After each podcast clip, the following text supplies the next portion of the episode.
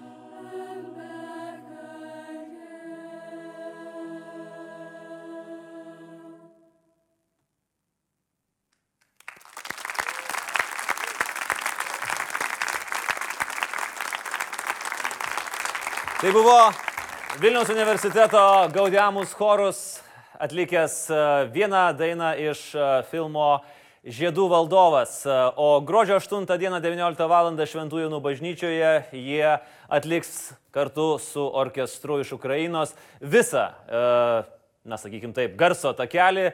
Taip kad e, paskubėkit įsigyti bilietų, nes tikrai bus unikalus e, renginys. Ir mano kaip žiedų valdovo gerbėjo širdis tikrai džiaugiasi, kad mes galėsime tokį renginį turėti. Ačiū choristams. Laimai.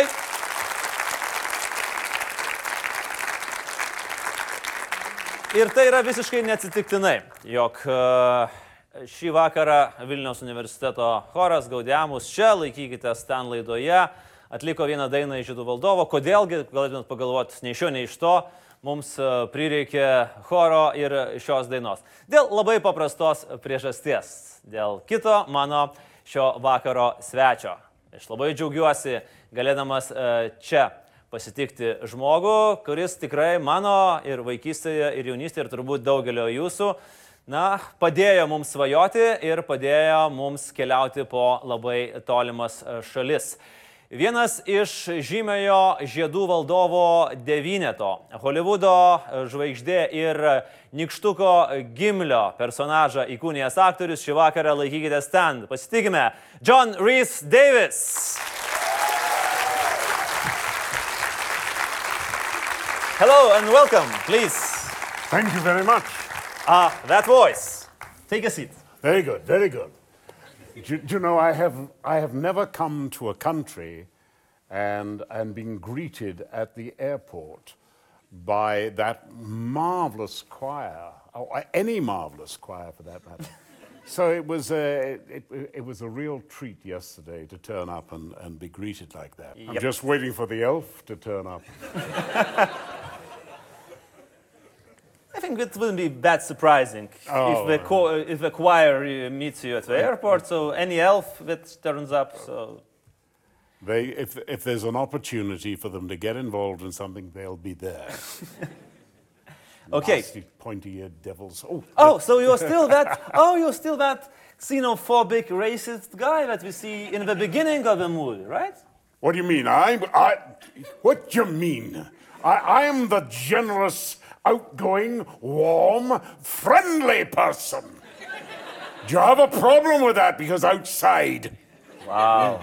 What? Okay, this is not how I expected Gimli to start an interview with me. Oh, okay. Well, well, of course. You don't have your axe, Lord so of I'm the not Rings is afraid. essentially a, a dwarf's story about helping out some other little people. That's all.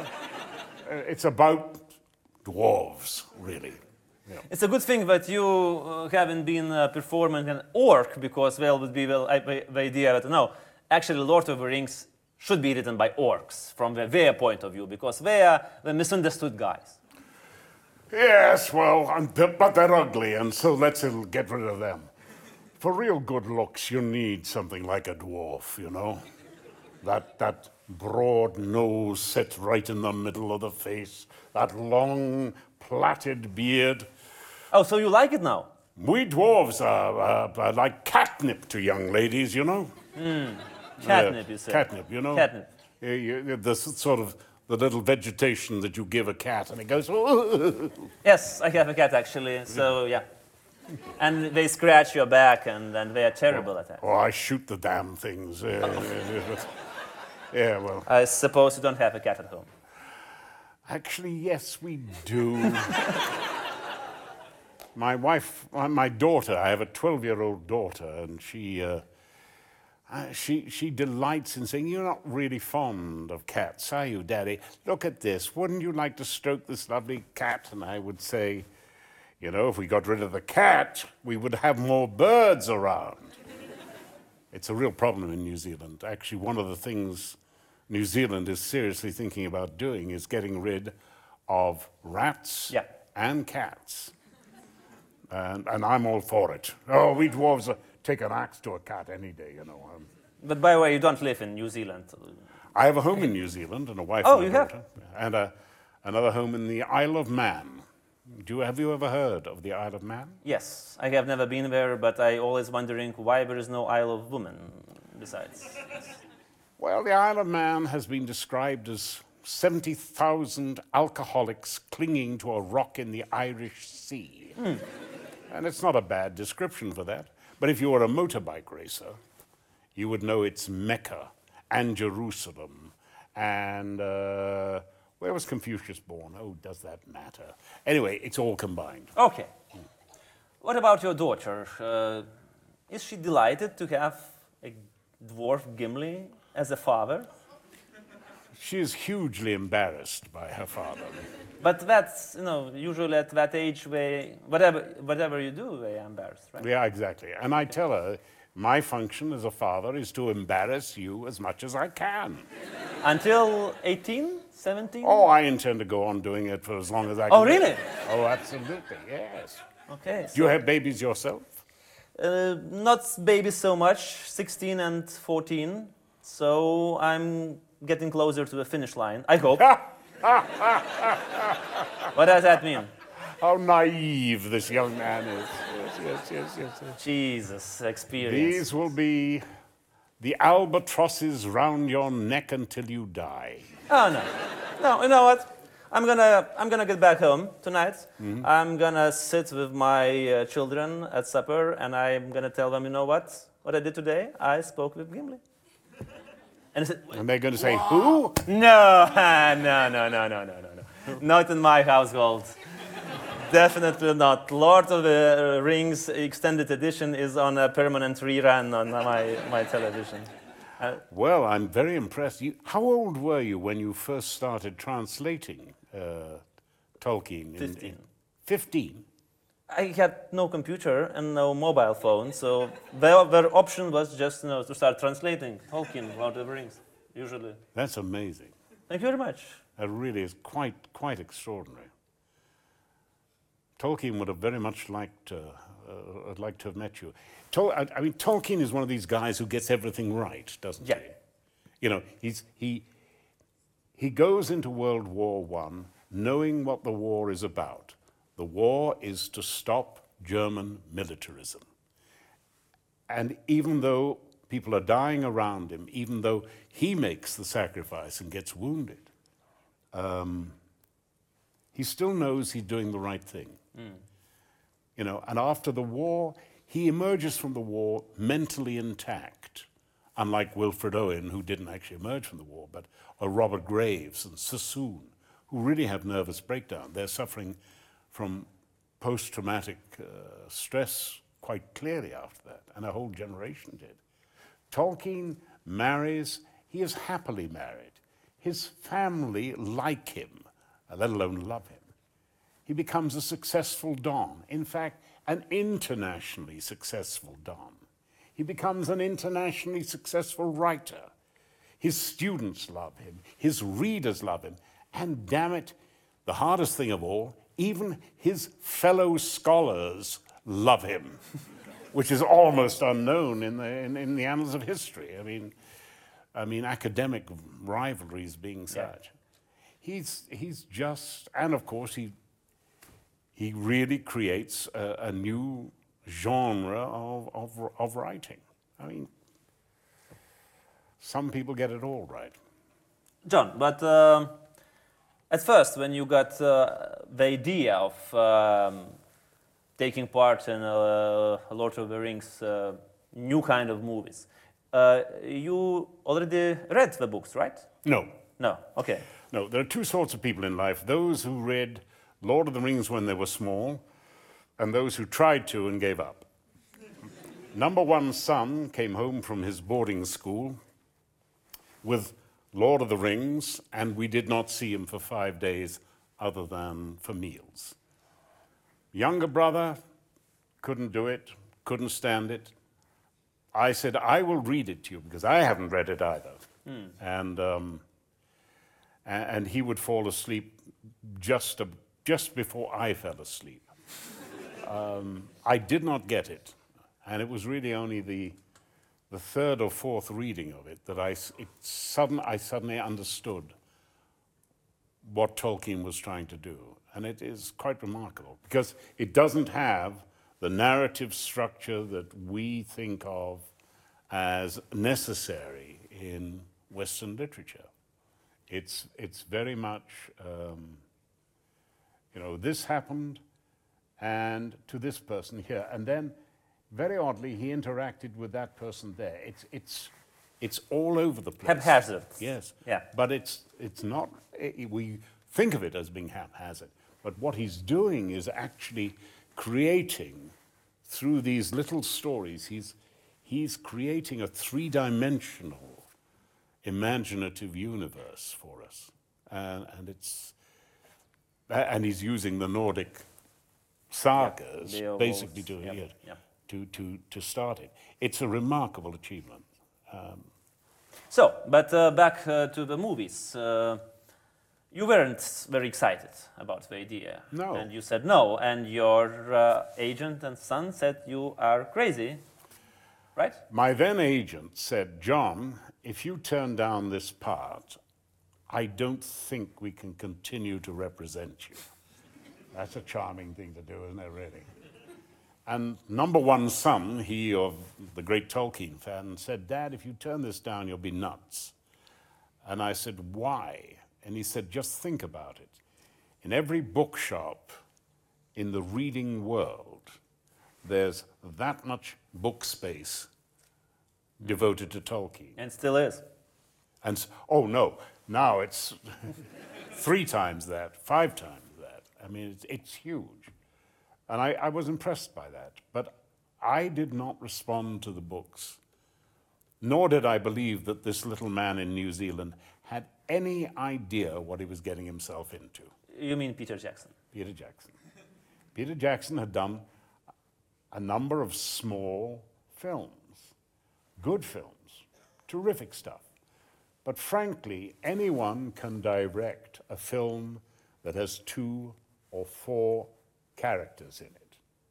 You know, give me a month, I could teach any of you how to direct a film with four people in it.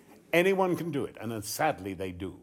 Um, but when you've got when you've got 21 principal characters, when I mean there was one day we had 1,400 extras. Uh, when you're talking about uh, basically 14 months with a bit of padding in between the two, uh, in between each block of, uh, of months. If you get behind, in circumstances like that, you never dig your way out. And, and, and I, don't, I didn't think that he, that he had ever had the experience to understand that. Was it a little bit maybe arrogance from your, from your side? No? you came to New Zealand. You are of the Indiana Jones fame. Guys, you have been working with Steven Spielberg. And now? No, no, it wasn't, it wasn't arrogance like that. I just didn't think that New Zealand had the infrastructure or he had the experience to deal with that. Okay, so what was the turning point? At, at which point you started to believe that, oh, guys, he, he can do this?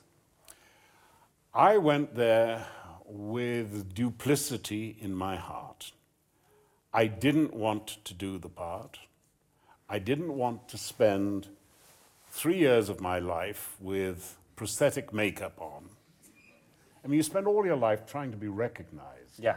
You know, why would you then want to put all that prosthetic makeup on? I mean, uh, and the frightening thing is not so much that people won't recognize you, but that they will recognize you. Um, so I went, I went, I, I spent a morning in every department and the afternoon in another department for two weeks. And I just checked them out. Uh, what are you doing? How are you doing it? And I met with not just enthusiasm, but a level of skill that you would only expect in perhaps one or two of the great film capitals of the world.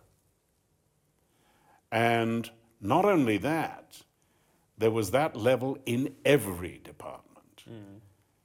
And that really, I mean, after two weeks of that, thinking, God, actually, he is awfully well prepared. I can't go to him and say, I'm sorry, uh, I'm sorry, Mr. Jackson, I, I, I, I don't think I can be away from home that long. Um, on the, you know, because he clearly has prepared. But let's watch and see how he handles his crew and his fellow actors. And what I saw there was that he had the answer to every question. Any. Every, a great director has all the answers. That's why there aren't that many great directors around. You have to know everything. You have a hundred people coming up to you in the course of the day saying, do we, do we go for, for that or that, or even that? Uh, or we've got a crisis because we can't get there, and you've got to be able to solve them. You've got to be able to know when to delegate, make the call yourself. No, uh, I, that's not what I want. I told you what I wanted. It's that. And I have to have that look. Um, I mean, it's. Peter Jackson probably did not get more than four or five hours sleep in the entire course of shooting that. I mean, it was extraordinary. And when I saw how he handled his crew and how he handled his actors, I realized that we were probably going to make a masterpiece. And that took two weeks to do it. I was actually the first person to stand up and say to the press, Yeah, I saw that interview that you just got carried away, tiny, tiny bit, and then you just, in front of all the press, right? You said, with a straight face, that these films are going to be bigger than. Star Wars. Oh my God. At which point Peter Jackson went, It's true. I mean, uh, what other uh, reaction you could expect? Bigger than Star Wars. Seriously, guys. Don't, don't forget, the, the, the Star Wars franchise was sort of stalled at that point, but they were do, shooting the new one, Yeah. and everyone was looking forward to it. Um, and I said, you know, you, I said, "Loo- looking back in 20 years' time, you're going to say that these films uh, were the greatest films of, uh, you know, amongst the top, uh, the, uh, amongst the top dozen films of all time. and they age amazingly well. I just you know rewatched just a very short time ago. And I mean, they don't, they don't age. They are fine, like a wine.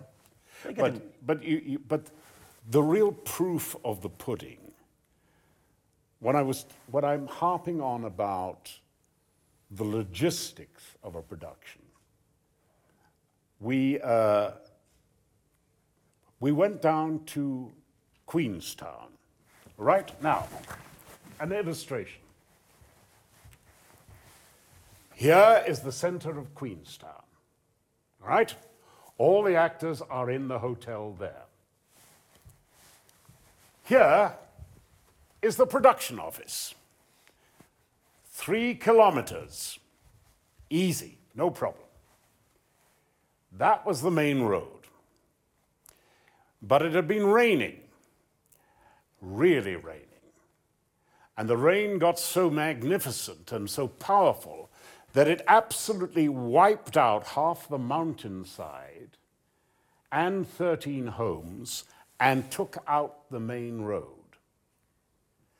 Now it's a single track, 19 kilometers, just to get from the production office to, to, the, uh, to, the, to the actors in the hotels.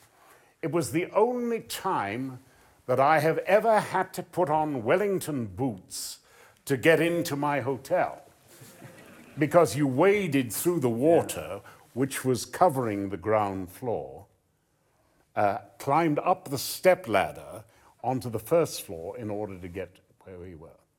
That was the time the, the call sheet, which is the sheet that tells everybody what time we're working, where we're working, the call sheet went out. There will be no filming tomorrow because the lake is underwater. and how? We did not work that day. And don't forget, there were probably at least nine of the fellowship and probably one or two others there. We've got a crew of about 200. We had horses, we had wranglers, and this is South Island, New Zealand, you know, in, in, in, in the year 2000. The infrastructure wasn't there. We didn't work that day. The following day, we had a movement order which moved us all to another part of New Zealand, and we picked up filming the day after that. That was the moment when I realized that nothing would stop this film from being a success. That sort of thing. I mean, just trying to find places for people to sleep. You know, there, there weren't hotels everywhere in South Island, New Zealand. You know, little farmhouses. Will you take a crew member here and this sort of thing? They had it all sorted within 24 hours. And we broke for three days and then got back there and shot what we needed to shoot uh, six months later. Okay, let's talk about characters and your character. Uh, the fans were bothered, me as well, that uh, Gimli is not the Gimli that we were used to see in the books, right? It's a comic relief. It's, it's a funny guy. It's a ridiculously funny guy, and so on and so on. Uh, after uh, uh, movie, after reading the books, uh, do you share the concerns of the fans, of the die-hard fans who've read the books and they had to overcome some difficulties into accepting new Gimli that you were portraying? I, I can well understand that.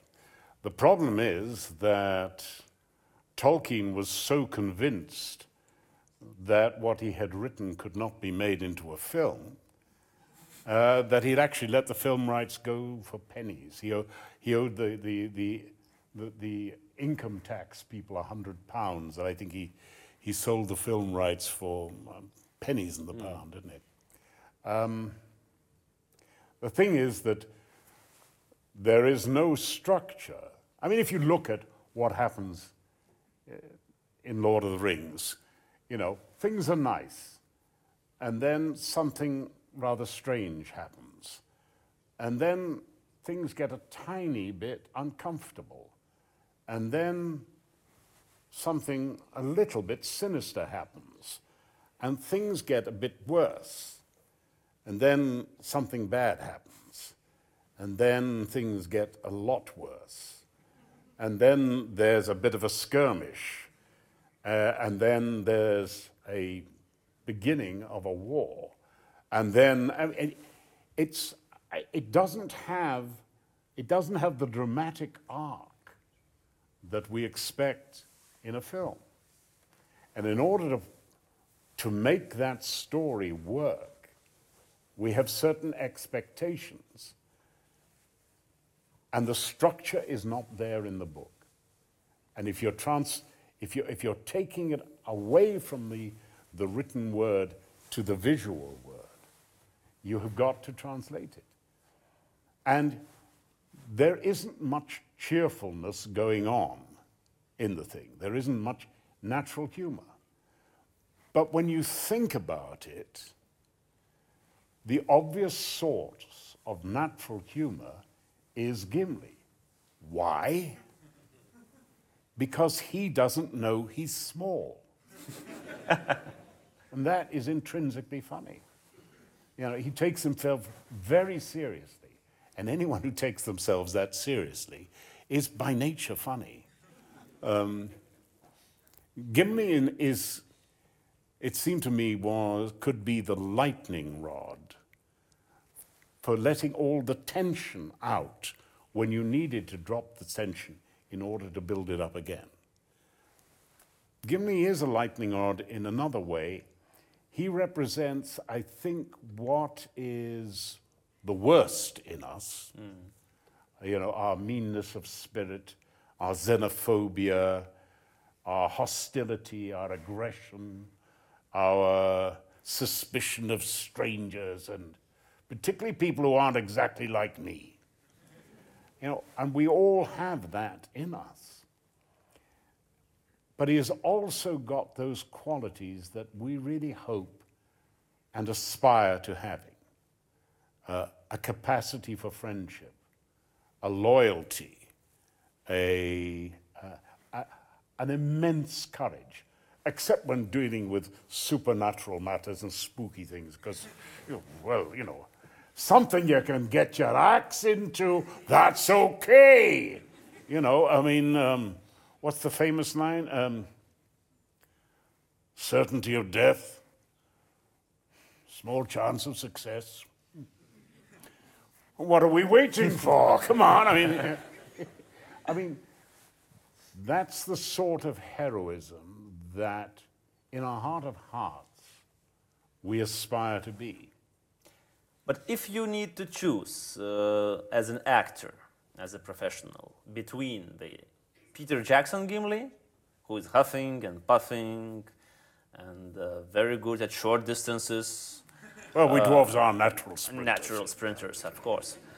But um, all things you said, comic relief, and that uh, stoic, um, silent, very serious, Tolkien-esque Gimli. What, which Gimli is closer to your heart as a person? Well, I think when, when you live with a character for three or four years, you either hate him or you love him. And I, I, I rather love him, actually. Mm. Um, I, th- I think his protectiveness, uh, he, you know, his, he feels a natural ob- obligation to, to, to protect, mm. you know, the little ones, you know, the hobbits and things like that. Um, uh, I, I, I, I just think that he is a very humane character. Uh, and I, I suppose the point is that he is not human, yeah. but he does express humanity. Um, perhaps in ways that Strider doesn't or can't. Uh, John, uh, do you meet uh, any um, actors from a fellowship uh, or on purpose or just incidentally? We, we bump into each other from time to time, but I bump into the hobbits on a regular basis. because you are careless. Pardon? You're careless? You just walk and Or you don't just walking around and there's a damned hobbit. Yeah.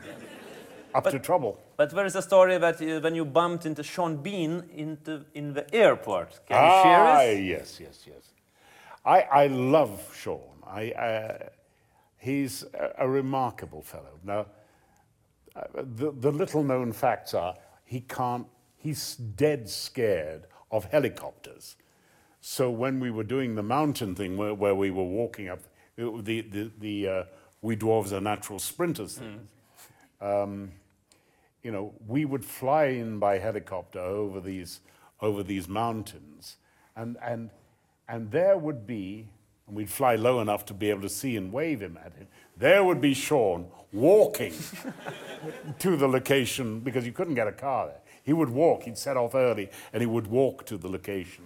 And we'd go.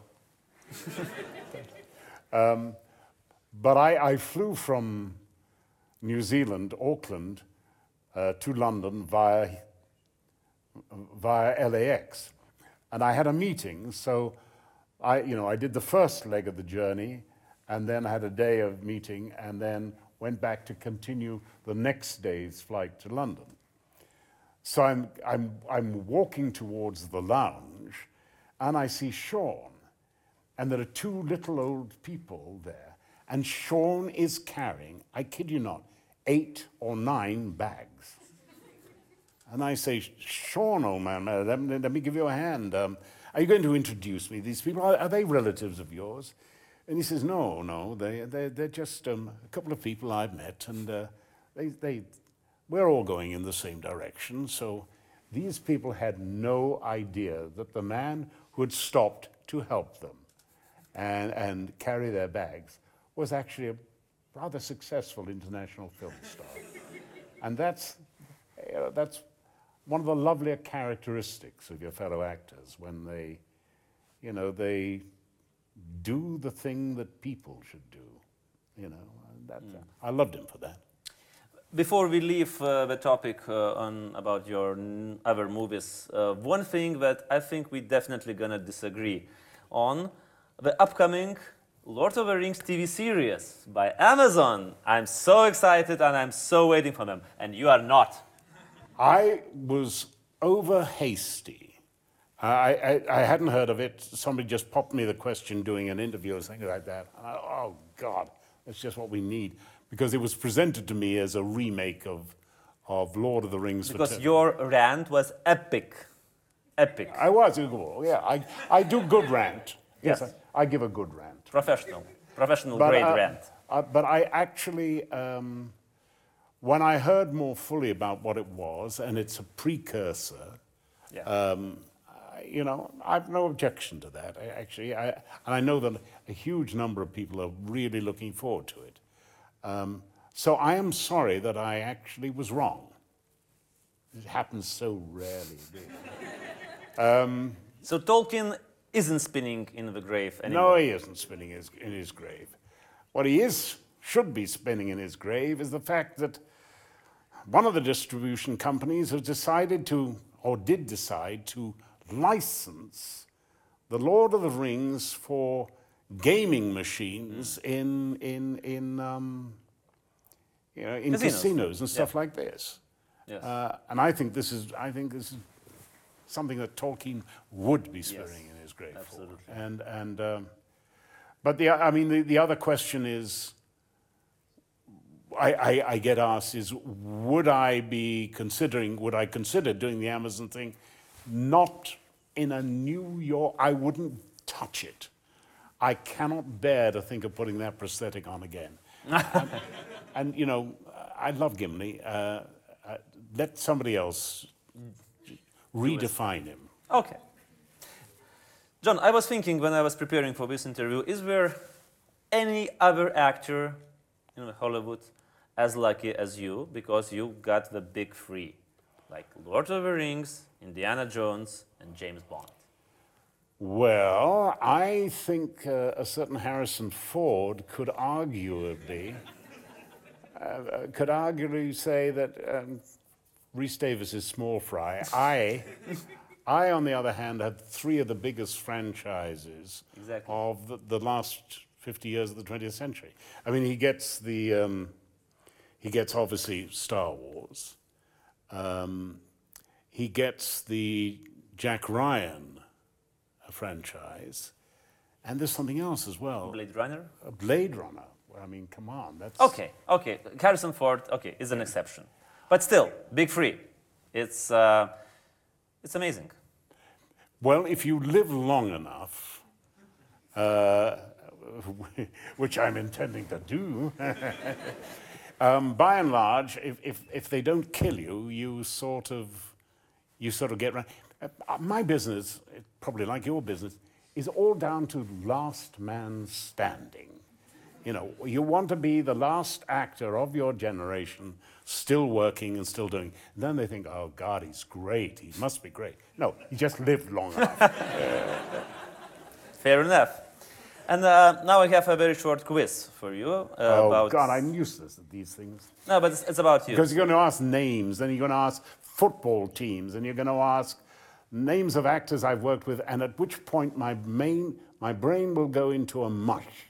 So I will find the right answer for you. Yeah. Okay, so uh, when Lithuania was under Iron Curtain Yes. uh, in the Soviet Union, uh, one TV series that you acted were allowed here in Lithuania. One of the few Western shows that were allowed, and it was installed cult, absolutely, because no, it was amazing for us. I Claudius. No, Oh, no, it's a TV series for. Uh, Shogun. no, it's imperialistic uh, bastards, and it's, it couldn't be allowed. Oh, right. And you were the king there. I was. Oh, uh, Robin Hood. Yes, Robin of Sherwood. Uh, the only things that my generation kids waited for uh, winter holidays because it was the one time in a, in a year when Robin of Sherwood, the first season only, of course. That's course. right. Yes, that's right. Uh, because I don't know when, why, why not, uh, the was, was shown. Yes. Do you remember it fondly? It, it didn't age very well, actually. I s- The, tried sh- to the watch show it. didn't wa- yes, age. Not, no, it. It yeah. didn't. I thought the king aged very well. Modest as ever. Um, no, I, I think I, you know, within the limits of a little television series, the character was sort of right. The Plantagenets were monsters. They are fourth generation removed Vikings. The Vikings were monsters. You know, God help you if you weren't a Viking. Actually, God help you if you were.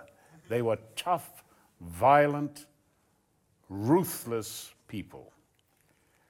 And we are so lucky we don't live in that age. They're marvelous. Most of us have Viking blood, by the way, anyway. We, we all know that. Um, but, but the Plantagenets, the descendants of, of, of, um, uh, of, of William the Conqueror, um, who is second generation Viking, isn't he, really? The Duke of Normandy. Um, the Old English prayer book said, From the wrath of the Northmen, deliver us. Um, they were huge. They were bigger than the average inhabitants of, of England. How the heck do you deal when you are five foot five? How the heck do you deal with someone who is six foot, six foot two, you know, who has a, a sword longer than anything that you could hold, and who's coming at you with absolutely no compunction? He will kill you. Well, I think the Gimli would have a piece of advice for these guys. Ah, yes. Well, personally, you know, for wet work, you need an axe. You see, yeah. The thing is, you get underneath him, you hack his knee. He goes down awkwardly, and then you can scramble his brains. Yes. Sorry about that. Yes. Yes, uh, now we need to put a marker that's uh, some kind of rating for small children not to watch our interview because it was terrifying for them. I think they're gonna cry. Don't you believe that, children? If ever you're called upon to do wet work, use an axe. and tell your mother I said so. amazing education advice, one of the best we're gonna receive. Okay, uh, before we, we leave our interview, the two final questions, uh, John. Uh, you were talking in other interviews about one of your biggest failures, and it was very strange for me to read it because I think that role that you consider your biggest failure was amazing. Uh, I'm talking about uh, the voice of the mighty ant, the tree bird. Treebeard. Why do you consider it a failure? because when you read it in the book, you can, it works for your, it, it works for you imaginatively. You can hear the voice. You can imagine the pauses. But you can't make pauses in films like that. Um, and if you reread the character again, you, you try and do that in real time. You can't. Mm.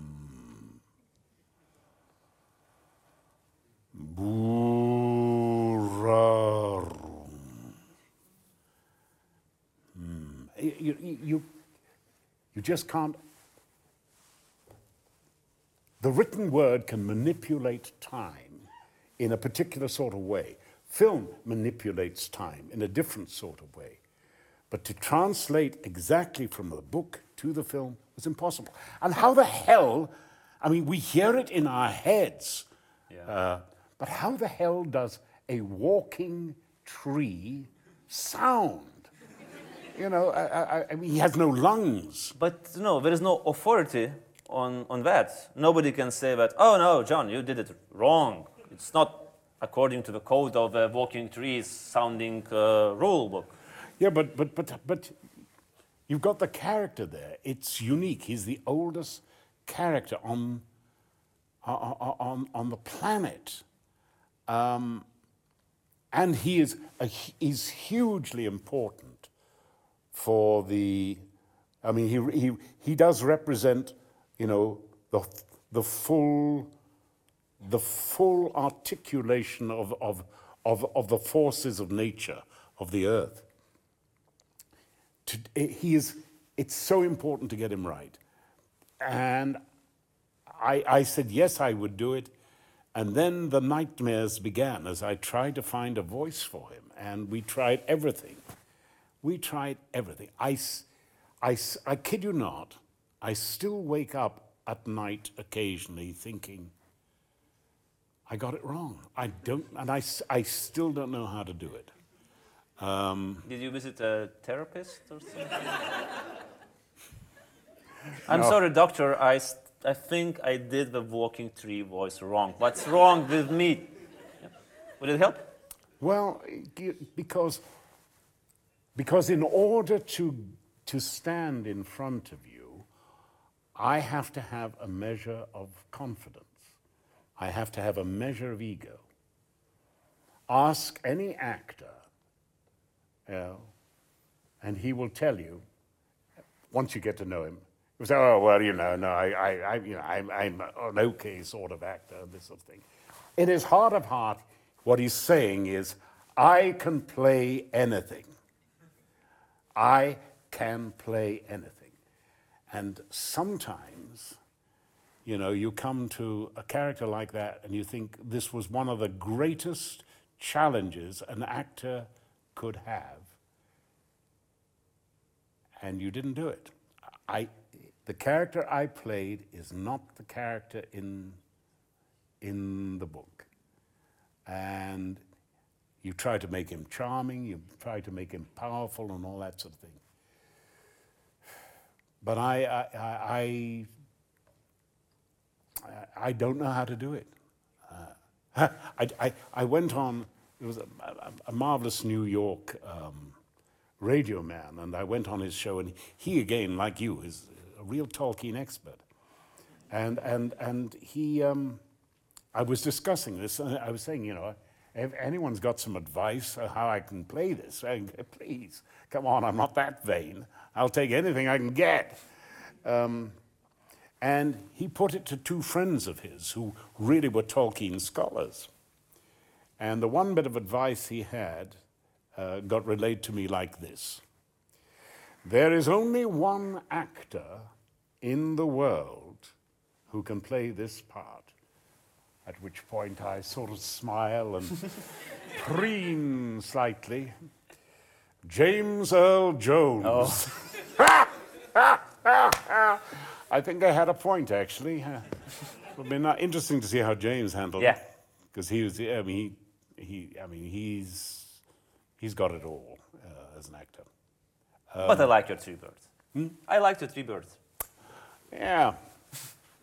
But, uh, but I, yeah, it's, it's, um, it's very odd how, you know, the truth of the matter is, I've had an awful lot of quite successful things, and I've been awfully happy like that. I've had quite a lot of nice reviews in my life. Can't tell you a single one of them. All the bad reviews.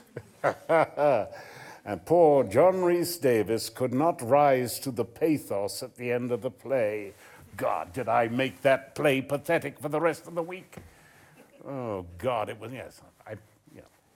you remember, we learn more from adverse experience than we do from positive experience. And it's really important sometimes to fail. Uh, it sounds a very odd thing to do, but mm. it's when things are going swimmingly, you think ah, it's easy. It's when you trip over and you think, I didn't do that very well. Oh, right. And it forces you to look again at, at, at, at, at something that you sort of thought you had most of the answers for. And it's, it's a glorious thing. I mean, I, I'm very much a work in progress, like you. I mean, like all of us. Like all of us, yes. Do you read internet comments about you, you yourself? No, good Lord. Good Lord! The internet. What a bloody thing that is. Let me show you my state of the art phone. Okay. nice. Wow. And I switched it off. Uh, uh, mind you, the battery's getting old in that one. Um, and I, I, I, in case you forget uh, uh, well, your house Which number? Yes, no, it's wrong. It's the English number too. But um, no, I, but it's it's. I'm, you know, it's the battery is going. I, I have to charge it every six or seven days now. Wow. oh, these guys. We have we have several guys like you in our country as well with these That's telephones. Right. Yeah, Do you know three or four, I think. They've, they phased. It used to work anywhere in the world. It doesn't work in America anymore because they phased out 2G, and I, and a very technical guy told me that it was not because of issues with something called bandwidth, no idea what it means, but because you cannot track people on a 2G phone. And for security reasons, they decided they'd just get rid of 2G. Okay. With 3G or 4G or whatever G, GG, you can. Okay. And I think on that bright note, we can finish our, our chat. It was a privilege and uh, an honor to uh, chat with you with John Rhys-Davies and Gimli because you transform into the character so effortlessly and so like this. Uh, it's amazing. Well, uh, the, I have a marvelous assistant who is not here tonight, and, and uh, she was saying, you know, everybody has got a dark side to themselves, and nobody ever gets to explore it, except you actors, she said. I mean, just, just think of the monsters that you have inside you that you allow to bubble out and become these characters. She's probably right. Inside me, there's a real psycho. it was, was a pleasure to see. Thank you very much. This is a small uh, present from oh. our show. Thank you much, ladies and gentlemen. John Rhys Davis, Gimli from Lord of the Rings was here with us tonight. Thank you everyone. Ačiū visiems šį vakarą buvusiems čia su mumis. Gero vakaro ir nepamirškite, rytoj ir poryt komikonas galėsite susitikti ir su Gimliu, ir su kitais personažais. Ačiū visiems ir gero vakaro. Thank you and good night.